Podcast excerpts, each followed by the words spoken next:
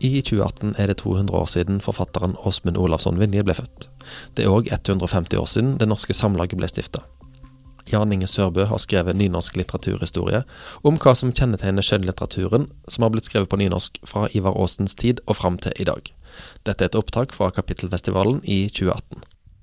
Jeg har altså skrevet denne litteraturhistorien, som var et, eh, bestilling, et bestillingsverk fra Det Norske Samlaget. Og eh, det ble eh, bestilt ganske seint i 2014, eh, så jeg fikk da året 2015 og 2000, nei, 2015. Jeg fikk 16 og 17 til å skrive på, så jeg fikk to år til å jobbe med dette her. da. En av anmelderne, Fredrik Vandrup i, i Dagbladet, han eh, framheva størrelsen på boka og, og tyngden Eh, og skrev det at eh, blant til mye andre ting som den kan brukes til, så kan den også brukes til å slå folk i hodet med hvis de er mot nynorsk som sidemål. Eh, anbefaler en viss forsiktighet med det, for den veier over to kilo.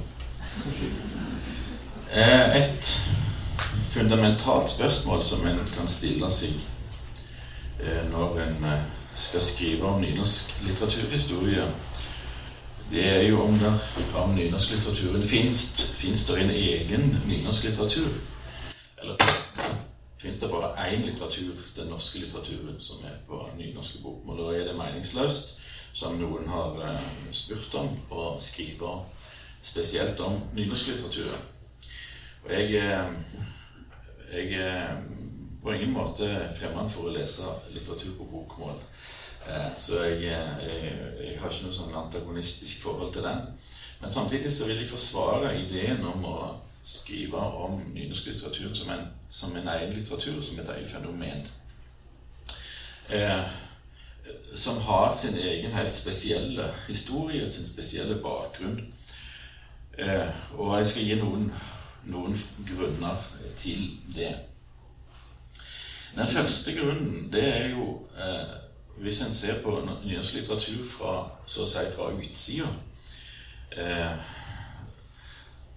Som en litteratur som oppstår ved at språket nynorsk oppstår. Eh, da må vi på en måte spole tilbake til midten av 1800-tallet, der Norge hadde fått en konstitusjon, fått sin egen grunnlov og sin egen nasjonalforsamling osv. Men de hadde ikke løst språkspørsmålet. De visste ikke hva de skulle gjøre med språket. Og inntil videre så skrev de dansk. Det var ikke noe norsk språk eh, eh, som, som, skilte seg fra dansk eh, av typen bokmål før på 1890-tallet. Så Før det så var det, så ble rettskrivning bestemt i København. Og Det var en situasjon som, som de måtte ut av. Eh, og det var forskjellige forslag til hvordan de skulle gjøre det. Og eh, Aasen kom da med sitt forslag med to bøker som kom i 1848 og 1850, eh, og som da heter eh, Norsk ordbok, eller Ordbok over det norske folkespråk, og Grammatikk. Norsk grammatikk.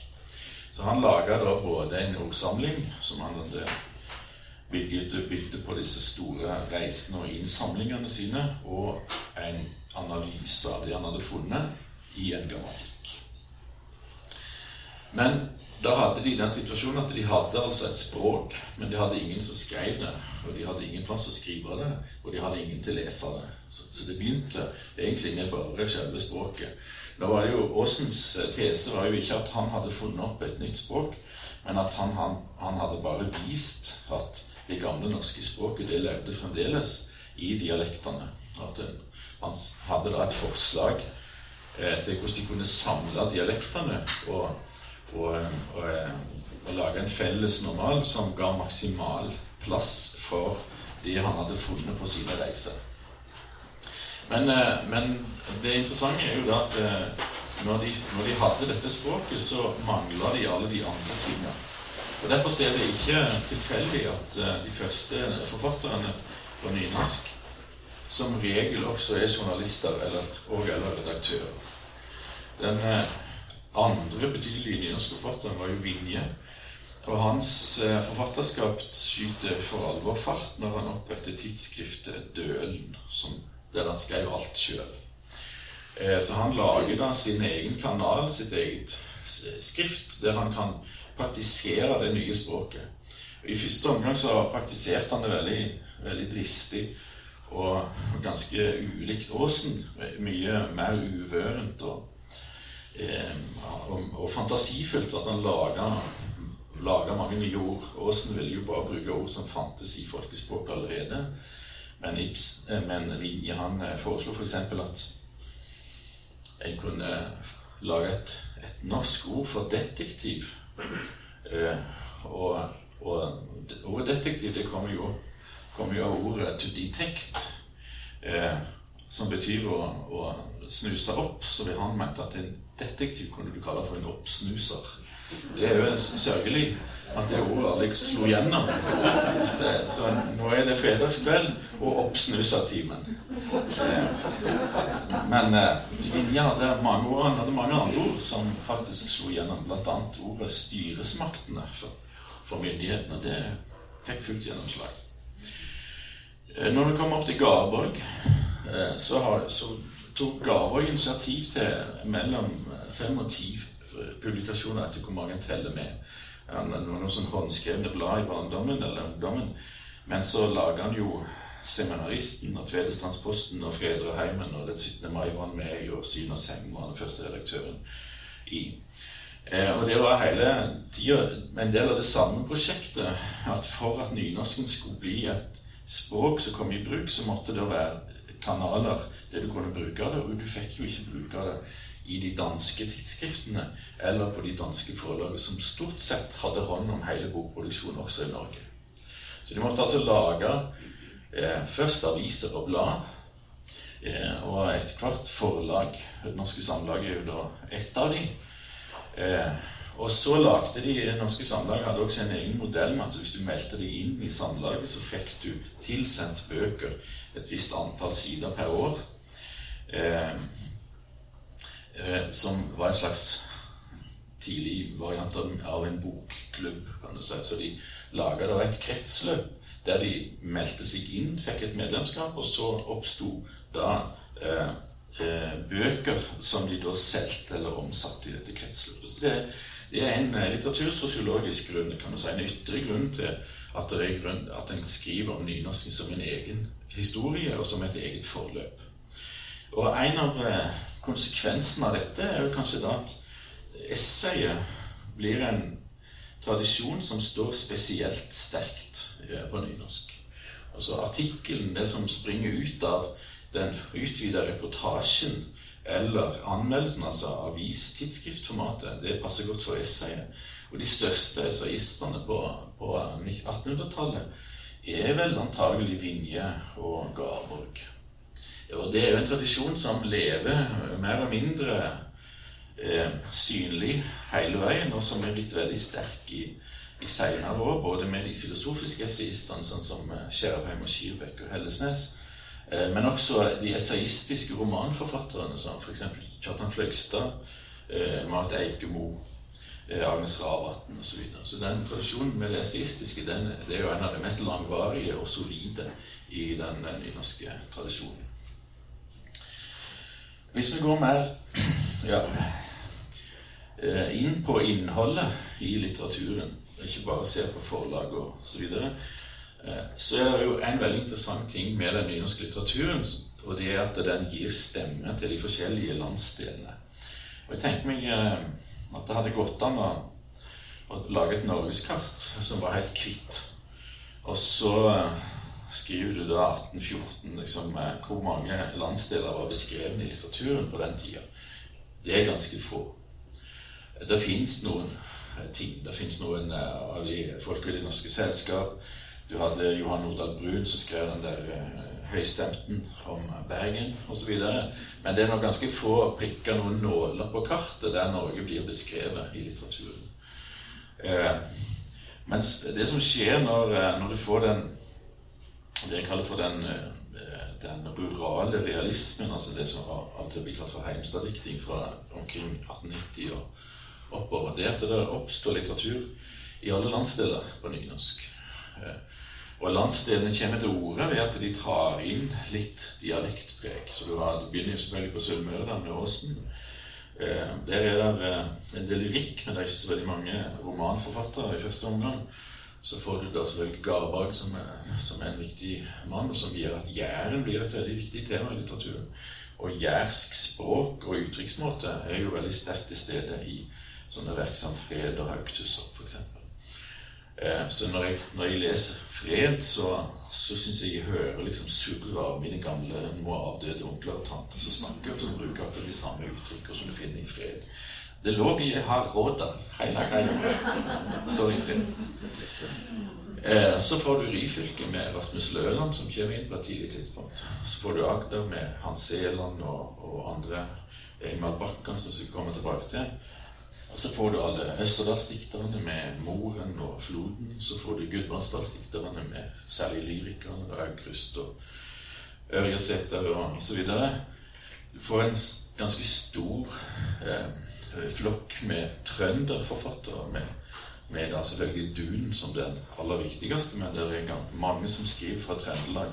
Det er romaner, en utrolig mengde med romaner fra Sunnhordland og Hardanger fra et tidlig tidspunkt. Jens Tvedt, som jo er bodde i Stavanger, og som det er en statue av med det gamle biblioteket. Han skriver jo alle romanene sine fra eh, Hardangerfjorden og Kvinnherad-området. Eh, og så får du eh, inn i Sørfjorden med Godholm og, og Ulvik selvfølgelig med Hauge. Du får alle Odda-forfatterne.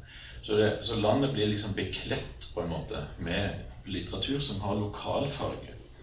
Og det er jo et, ikke bare et litterært fenomen, men det er jo også et eh, demokratisk element i dette. Det, eh, Nynorskbevegelsen som venstrebevegelsen handla om å gi eh, folk stemme. De fikk lov til å komme til orde i litteraturen. Eh, så de som hadde vært tause eh, fordi de mangla språk, de kunne jo heller ikke ytre seg politisk. Men nå, de, eh, nå framstår de som levende figurer i litteraturen. Og noen, noen blir skildra positivt, og andre ikke fullt så positivt. Av, det jo, dette skjer jo mest i nynorskleiren, men det skjer jo også i bokmålslitteraturen. Særlig de som skriver litt sånn radikalt bokmål. Eh, som Mikkel Fønhus, f.eks. Et godt eksempel på en sånn som gir en landsdel levende. Um, en som var en virkelig pioner, som egentlig oppfører seg som om han var nynorskforfatter, men uten å være det, det er jo Hans Kink eh, som var født på, i Loppa i Finnmark. og som eh, foreldrene var, Faren var lege, så flytta de til Strandebarm, så var han der en periode. Så flytta de til Setesdalen, til Bykle. Og han skriver jo veldig morsomt og, og utleverende om disse typene som han har truffet i forskjellige deler av landet. Eh, med, med, disse eh, voldsomt nysgjerrige eh, folka i Strandevann som henger utfor stupet og ser om det er det den nye kapellanen som kommer, eller er det ikke den nye kapellanen. Så, så lener han seg litt for langt ut, og så detter han ned. Og slår seg jo da 90% i hjel. Men før han dør, da, så får han sagt til kameraten sin da var han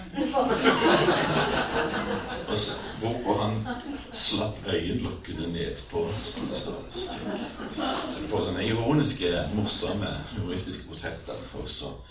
Så det er jo det, det å kle Norge i ord det er en veldig viktig del av nynorsklitteraturens eh, misjon. Og det er ganske seint at det gir seg utslag i, i åpen dialektbruk. Det er en del dialekt i replikkene, f.eks. hos Dune og eh, Krokan og andre i mellomkrigstida. Eh, men det er jo først etter krigen at du får sånne typer som Ajax og, eh, og Prøysen osv. som skriver på ren dialekt. Et ganske seint fenomen. Men det er på en måte en fortsettelse av det som begynner i, eh, i denne realistiske diktningen. Så er det en, en eh, tredje grunn. Jeg har masse tall og og sånn Einar, BC og videre. Så er det mulig at de statistikerne kan ta meg på tallene her etterpå. Men det er en grunn til å studere nynorsken som, eh, som eh, spesiell tradisjon, og det er det som jeg har kalt for den nynorske utakten. I visse deler av eh, litteraturhistorien så, er, så, så oppfører nynorsklitteraturen seg annerledes enn bokmålslitteraturen. Og det begynner, eh, Den første store uttakten den begynner med, eh, med Åsen. Åsen debuterer jo med dikt i 1863 med 'Symra'. Det er jo, Der står alle de berømte Åsen-sangene. 'Mellom bakker og berg' og 'De gamle fjellsyningene' og alle disse. Eh, og dette er jo midt under nasjonalromantikken. Det er akkurat samtidig som Tidemann og Gude stiller ut sine malerier Ole Bull, samling folkemusikk osv. Så, videre. det det er liksom i høyden av nasjonalromantikken. Eh, og de store dikterne, særlig lyrikk, er jo romantikere. Welhaven og Wergeland. Og Wergeland skriver jo et eh, veldig berømt dikt som heter 'Følg kallet', der han klager seg veldig. Han sier han er som en kongeørn med med lenke om foten og vingen brutt. Eh, han, han, får ikke ta av. Han, han letter ikke fra bakken, men han blir, må tjene som en simpel gårdhund, skriver han. Eh, hva er problemet? Hva er det, Wergeland? Hva er det som plager deg? Jo, han er født i et for lite folk. Sånn er skjebnen til den som er født i et for lite folk. I Norge er det da bare mellom 1 og 2 millioner innbyggere. Det er altfor få. Eh, for Wergeland. For hans geni er så stort at han skulle talt i millioner og atter millioner. Det er den lidelsen som han er plaga av. Eh, for Ivar Aasen så framstår dette som en fullstendig latterlig idé. At noen mennesker skal ha et så stort subjekt at de skal klage seg over at de blir lest bare 500 000 eller, eller 900 000, og ikke 900 millioner. Eh, Aasen skriver da i en, eh, i en, eh, i, i en litt sånn ironisk tekst om observasjoner han har gjort i bylivet. Det er den største glede en liten fyr kan få, at han kommer opp i lyset, så folk får ham. Ha-ha-ha. Det er latterlig å prøve å være synlig. Og det er latterlig fordi eh, det gode livet for oss er et liv i bygda. I bygda der stikker en seg ikke fram, men der blir en tatt vare på i en slags jevnbyrdighet. I, i gamle Grenny, der er, det, der er det godt å være. Der er det trygt. Der kan du gå på besøk. Enda når folket hvilte, skriver han. De blir ikke sinte selv om du vekker dem i middagslua. Eh, men der er det også sterke restriksjoner på hvor stort det enkelte subjektet kan være. Og det store romantiske subjektet er for oss en helt utenkelig tanke. Derfor er, handler hans eh, dikt mye mer om å, eh, om å finne sin plass i verden, eh, gjøre sin jobb, eh, eh, holde ut med vanskelige ting uten å klage, eh, og, og, være stoisk, ta ting med fatning, ta det alt med tålelig mot. Ikke noe lidelser fordi ikke berømmelsen din er stor nok. Han er altså mot den romantiske tanken på det store geniet eh, som, eh, som, taler på vegne av nasjonen. Det bjørnsonske. Eh, eh når Bjørnson skriver dikt, så roper fjellenes høyt. Det er jo ikke riktig, det sier Jan Ekvold. Det er jo, Bjørnson sjøl som roper hører. Det er oppgjør med det romantiske subjektet. Eh, Vinje har en del av den samme kritikken. Han, eh, han liker ikke eh, høgspente idealister. Han skrev en fantastisk anmeldelse av, av eh, Brann av Ibsen. Han skriver i disse, disse brannmennene til Ibsen de er jo ikke som vanlige brannfolk. For vanlige brannfolk skal jo rykke ut når det er brann, så skal de slukke brannen. Eh, men, men Vinje Eh, nei, Ibsens brann. Han setter fyr på ting overalt det han kan komme til. Så han reiser rundt med fyrstikker og er pyroman. Og sånne brannmenn det har vi ikke bruk for, sier Vinje. Eh, det er også det samme dette veldig sånn storslåtte storslått idealisten han som sier alt eller intet osv. Det blir da i den der bygde eh, janteverden til Åsen og Vinje der du skal passe på hverandre. Der blir det latterlig å ha sånne for store forestillinger om ting. Så de er antiromantikere. Og de er også klassisister, så de, de leser 1700-tallspoesien, leser Goethe og Schiller. Og de leser den, de gamle antikke attende til antikken. Der finner du ro. I disiplinen og den stoiske eh, resignasjonen. Det er ikke alt vi kan få, men det får vi finne oss i. La oss ta alt med mot. Det er oss. Dette skjer akkurat i den største romantiske perioden. Så der er det klart en distanse.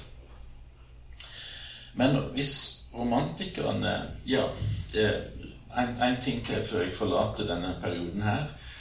Noe av det som gjorde at, ja, at nynorsk litteratur slo an relativt fort, og at f.eks. Aasens dikt ble de mest lesende og sungne i hele perioden, kanskje. Iallfall de, med, de fra den perioden som vi bruker mest i dag.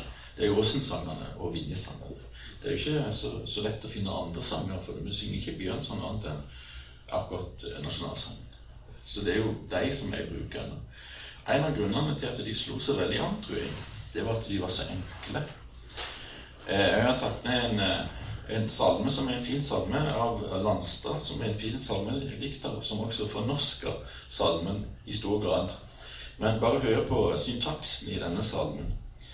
Fra fjord og fjære, fra fjell og dypen dal, et ære være i dag igjen lyde skal fra kirketårnet i Fryds basuners støt for Guds gjenbårne som er i dagers fylt. Vi var forlorne, eh, nå er vi frelst fra nød. Det er en ganske innvikla setning. Du kan lese den som en lang setning. Ja, mens hvordan jeg skriver nynorskingene, er f.eks. Støylen oversatt til Glade jul til nynorsk. Da bruker han ordet jol, som gjør at den er litt sånn ute nå. Men hvis du greier å finne noe i det, så bare hør hvor enkelt han skriver. Glade jol, heilage jol, engler kjem for Guds kongestol. Blomar ber deg fra paradis, fint og fagert, det syng Guds pris. Løgnleg ikring oss det går. Utrolig enkelt språk. Eller Hovdens fantastiske kveldssalme. Gud og Fader, latt oss sove under englevakt i stova. Vær vår sol om natta du. Og når siste dagen daler, løft oss opp i dine saler. Lei oss over stjernebru. Et helt nytt språk, et helt nytt lyrisk språk, som er utrolig enkelt. Og Det samme finner du da i Garbaks Hautusa og i Vinjes dikt. En klassisk enkelthet som de tilfører poesien. Så går det noen år, så får vi en ny generasjon, og da dukker det opp noe som eh, blir omtalt som den store romantikken. Har romantikken vært undertrykt, så kommer den for full kraft. Og det er særlig tre lyrikere som, som gjør dette. Og det er Olav Aukrust, Olav Nygaard og Henrik Rytter. Og de tillater seg alt det som Aasen eh, ga avkall på. De skriver et veldig, et veldig eh, høyt oppdrevet språk. Eh, Eh, Olav Aukrust mente at han talte på vegne av den norske folkeånd. Den norske folkeånd hadde åpenbart seg for i en person som han hadde snakka med og gitt ham i oppdrag å formulere alt som bodde i den norske ånd. Det er enda, enda hakket høyere enn Wergeland. Og så legger han litt antroposofi oppå det, sånn at han taler på vegne av Steiner det. Så det er veldig høyt opptredende tekster. Men de tekstene syns jeg faktisk er veldig gode. Det er jo tekster som de har gått fra for de er fulle av vanskelige ord osv., men som har utrolige musikalske kvaliteter. Eh, som, som, flyter ut i, i, nesten helt ren musikk eh, på, på, sitt eh, aller beste. Eh, jeg er veldig svak for, for Rytter. Henrik Rytter, som nå er nesten helt glemt. Eh, og som hadde en liten jobb med Det Norske Teatret i debuterte vel på slutten av 10-tallet, sånn i 1920 ca. Eh, så fikk han begynte han å jobbe på teateret på slutten av 20-tallet. Så oversatte han 23 Shakespeare-skuespill på to år. og kom ut i ti. Eh, med fantastiske oversettelser, men uforståelig fordi han bruker så mange rare ord. Så du kan ikke bruke dem, men du kan altså lese dem. Og det det er så utrolig musikalsk. Eh, Shakespeare skriver jo på såkalt blankvers, fem, fem jambers rytme uten rim. Og det kan Rytter så utrolig godt. Eh, så han er, veldig svak for, for eh, Jeg er jo Jeg glad i taperne. Det er forsvinner. Men han er veldig god, altså. Jeg skal bare lese en liten tekst av han som heter 'Elvegull'. Ingen veit landet, ingen såg det. Avleies er det og ukjent låg det. Skogvilt, bergbratt, ulvet og ormet. Vinterrikt, solarmt, værhardt og stormet. Ingen veit landet. Ingen fant det. Ingen så elva som flyt gjennom landet. Ingen så elva som fløymer og skvaler og samler på gull i navnløse daler. Usett fysser og uhøyrd sjoger vasker sitt gull i ukjente skoger. Sanka i villmarker solgult skin det. Ingen veit om det, og ingen finner det. Hva handler det om? Det handler sikkert om poesien som sier noe som ingen vet hva er. Som ingen kan få tak i, men som like fullt fins der. Det fins i disse tekstene noen fantastiske åpenbaringer av, av, skjønnhet som de greier å, komponere fram i det musikalske. Jeg kunne sitert side og side ned både av Aukrust og ikke minst av Olav Nygaard, som kanskje er den kresneste av alle. Aukrust hadde det jo problemer med å slutte, da. Så det er noe som jeg kjenner igjen når jeg holder foredrag av og til. Så han skrev jo gjerne Når han skrev brev, så skrev han gjerne 30 sider. Og så hadde han ikke mer ark, så skrev han på baksida motsatt vei. 30 sider andre veien. Og diktene hans er også litt sånn voldsomt svære. Men Nygaard er jo helt eh, noen bitte små, korte strofer som er helt perfekte musikalsk. Så da kommer altså romantikken tilbake. Da er det ikke noen romantikk i, bokmålslitteraturen. Så det er en utakt. En ny utakt da tar de opp det nasjonale temaet etter 1905 og, og tar igjen det de forsømte i nasjonalromantikken. Og så kom det da et, et omslag ganske nesten samtidig med den store romantikken så begynner de første modernistene å melde seg. Og den første av alle, det er jo Kristoffer Oppdal. Som debuterer allerede i 1907, tror jeg altså samtidig eller før de store romantikerne. Og han har ja, De første diktene hans er litt sånn uferdige, eller um, Han er ikke blitt oppdaget ennå, men da det dikt han skriver på titallet, da er han klart en modernistisk prega nitsjiansk eh, lyriker som bryter fullstendig ut av den tradisjonelle lyrikken. En veldig stor forfatter som i tillegg da skrev ti romanbind på, på under ti år om rallarlivet, eh, som heter 'Dansen gjennom Skugeheimen', og som absolutt eh, eh, plasserer nynorsklitteraturen i, i det modernistiske sjiktet. Og det blir på en måte den neste uttakten, da. At de før de er helt ferdig med romantikken, så er, vinner noen av de å springe over i modernismen. Og der romantikeren plasserer seg sjøl midt i verden og midt i nasjonen og taler på vegne av nasjonen, tale med nasjonens røst, som en salme i skogen, som, som Aukrust skriver, så taler eh, modernisten vanligvis fra en marginal posisjon, en utstøtt posisjon. Eh, det, et veldig godt eksempel på det er jo Vesaas, som prøver å skrive realistiske romaner i hele eh, førkrigstida, men som ikke får det til, heldigvis. For det han skal gjøre, egentlig, er å skrive modernistiske romaner. Og, og disse bøkene hans fra eh, rundt 1930 er utrolig mørke og fylt av tysk eh, ekspresjonisme og, og undergangsstemning og far, farefulle eh, scener. Eh, og selv om man da prøver seg med den, det store spelet om at det er best å være bonde i Telemark eh, Per Bufast han forsoner seg med sin skjebne at han skal være på Bufast skal han være all sin dag, men der skal han også få alt han trenger så, så greier ikke Jesus helt å leve med det der, så han, han må finne opp Mattis. Eh, tusten som ikke greier å arbeide på gården, og som feiler fullstendig som bonde.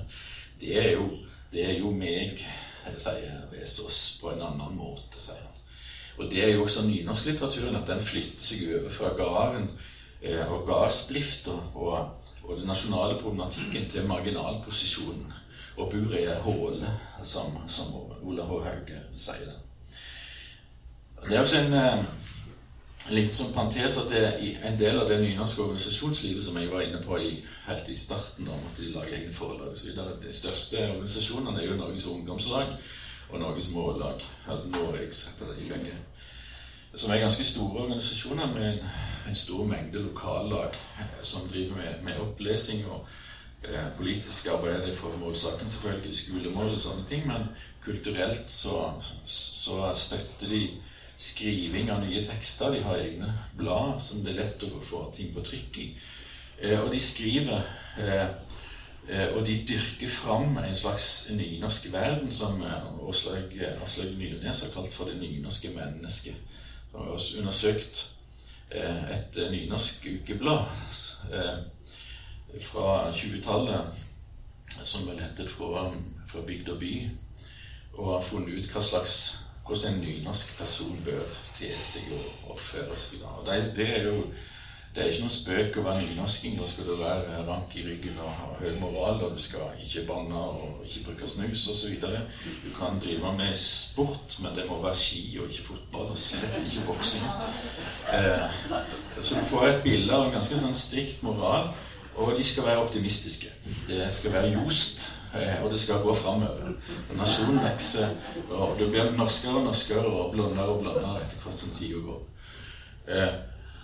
Men de store dikterne som de da inviterer på alle sine ungdomslagsmøter, det er jo Dun og Vesaas. Det er de to største pessimistene i Norge.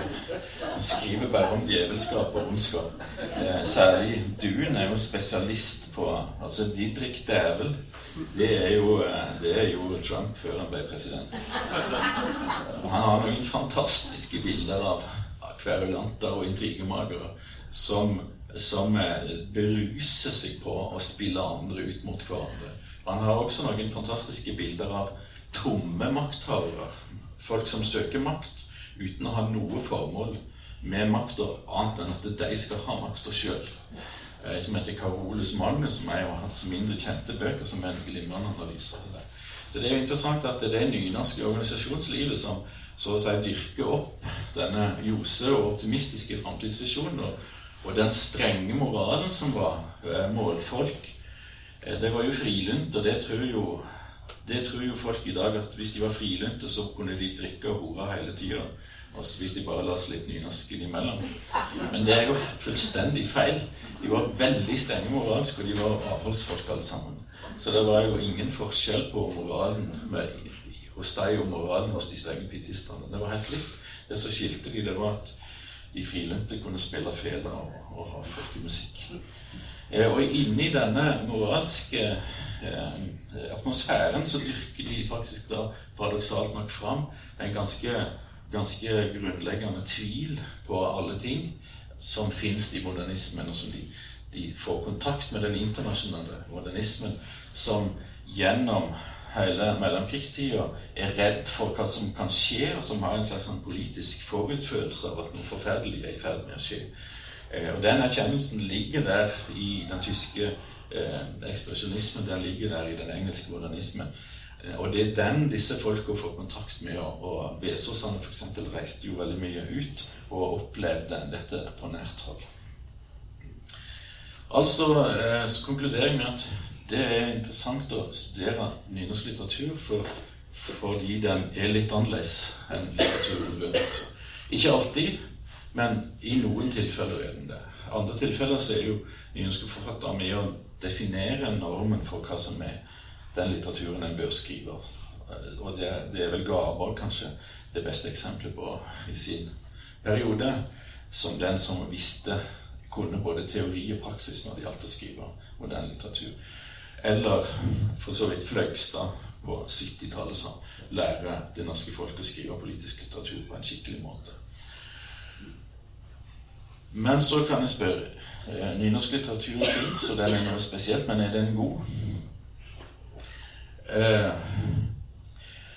Nynorsk litteratur har fått høsta inn mye flere priser enn prosenten skulle tilsi.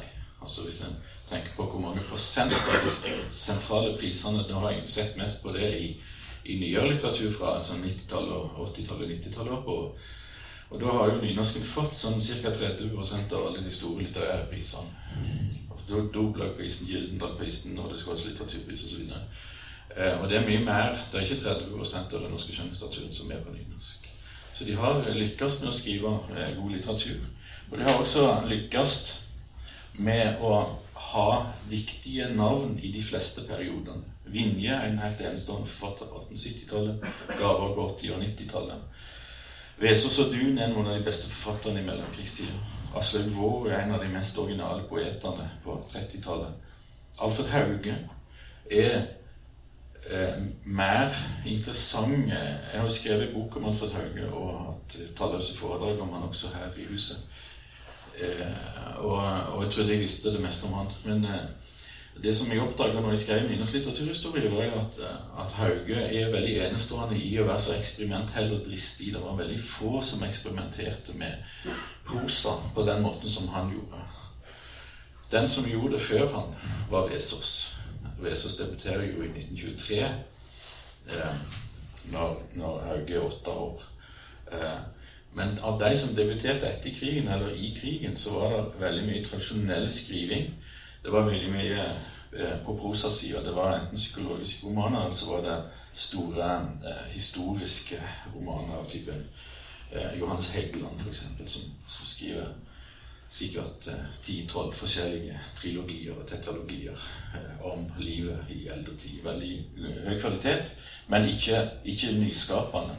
Så der er Hauge ganske, ganske original og enestående. Og fra 65 og det store oppbruddet som skjedde da, der har du jo de nynorske forfatterne som Økkeland og Bård Helge Haugen og Fløgstad og uh, Lars Amund Våge, Eldar Torum og Jon Fosse vært store navn som har definert perioden. Eldre Lund kan vi ta med. I vår tid så er, jo, er det jo en serie med sterke kvinnenavn. Kvinnene kommer liksom gradvis i nynorsk litteratur. De er ikke så veldig synlige i begynnelsen, men de spiller viktige roller og introduserer ofte nye ting i periodene. Og i dag har du jo sånne folk som Agnes Ravatn, Marit Eikemo, Mette Karlsvik, Olaug Nilsen, Gunhild Øyhaug osv. Som, som er helt, alltid er med når vi diskuterer hva som skjer i litteraturen nå. Eh, så nyhetslitteratur eh, har eh, eh, greid å levere gode eh, resultat. Jeg tenkte jeg skulle si bitte litt om en spesiell Stavanger-forfatter. Det det er jo mange forfattere som har bodd og, og skrevet i Stavanger. Og, ja, også på nynorsk. Det er en som få husker nå, og det er han som heter Engvald Bakkan. Jeg fikk låst ut ei bok fra kjelleren her av han som heter 'Men han var Alexander', som han ga ut i 1939. Engvald Bakkan var fra Åmli i, i Aust-Agder. Og det mest kjente han har skrevet, det er en trilogi som heter 'Under krossen', med tre bind, som handler om et par som blir dømt til døden. Det er fordi at mannen ja, Det er et ektepar opprinnelig. Eh, så dør kona eh, av sykdom. Eh, og i, i, eh, dette ekteparet har tatt seg av søster til kona, som er yngre, som har vokst opp hos dem. Men når hun kona dør, så blir det et kjærlighetsforhold mellom mannen mann og søstera. Sånn at han altså slår seg sammen med svigerinnen. Noe som var forbudt på 1700-tallet, så da blir de dømt til døden eh, for det in absentia. Og da må de altså rømme til skogs, og så lever de over 30 år ute i skogen. En veldig gripende roman Eh, som hører med til de store, de store trilogiene, de store historiske romanverkene i, i, norsk litteratur. Så han eh, Jeg har av og til hørt sagt at han må du lese, og Alfred Hauge f.eks. Og Anders M. Andersen, for å nevne to Stavanger-folk. De var veldig begeistra for han. Og han, han, bodde i Stavanger og var apoteker her. Eh, eh, I mange år. Han var også på Bryne i en periode, tror jeg. Så skrev jeg denne boka som heter 'Men han var Alexander', som han, om en, en som heter Alexander Lygre. Han er nummer 13 i en søskenflokk. Den yngste av 13 søsken. Og da har de gått tom for navn, skriver han, så jordmora mener at de kan kalle han for Alexander. Eh, eh, det syns jeg er et bra navn, og så kaller de han for det. Og han får Det er ikke plass til han hjemme, da, så han prøver å reise ut og bygge seg opp. Og så han, får, lov, får han lov til å gå på skole, en slags bondestudent. Intrige. Og han kommer til og med så langt at han får lov til å studere i England en periode. Men der eh, så snur lykken, da. Så blir det ikke mer. Og så er eh, når romanen begynner her, så er han frukthandler i, nede i Prostebakken, eller i, i den gata som går fra Prostebakken og utover langs Skagen. Ja, han skriver veldig levende om smågatene i Stavanger, og, og, hvordan han låner penger. Eh, for å kjøpe frukt i Hardanger, så får han ikke pengene inn igjen. og Så, videre, så er han forelska i tjenestejenta til naboen. og eh, litt, litt sånn små ting.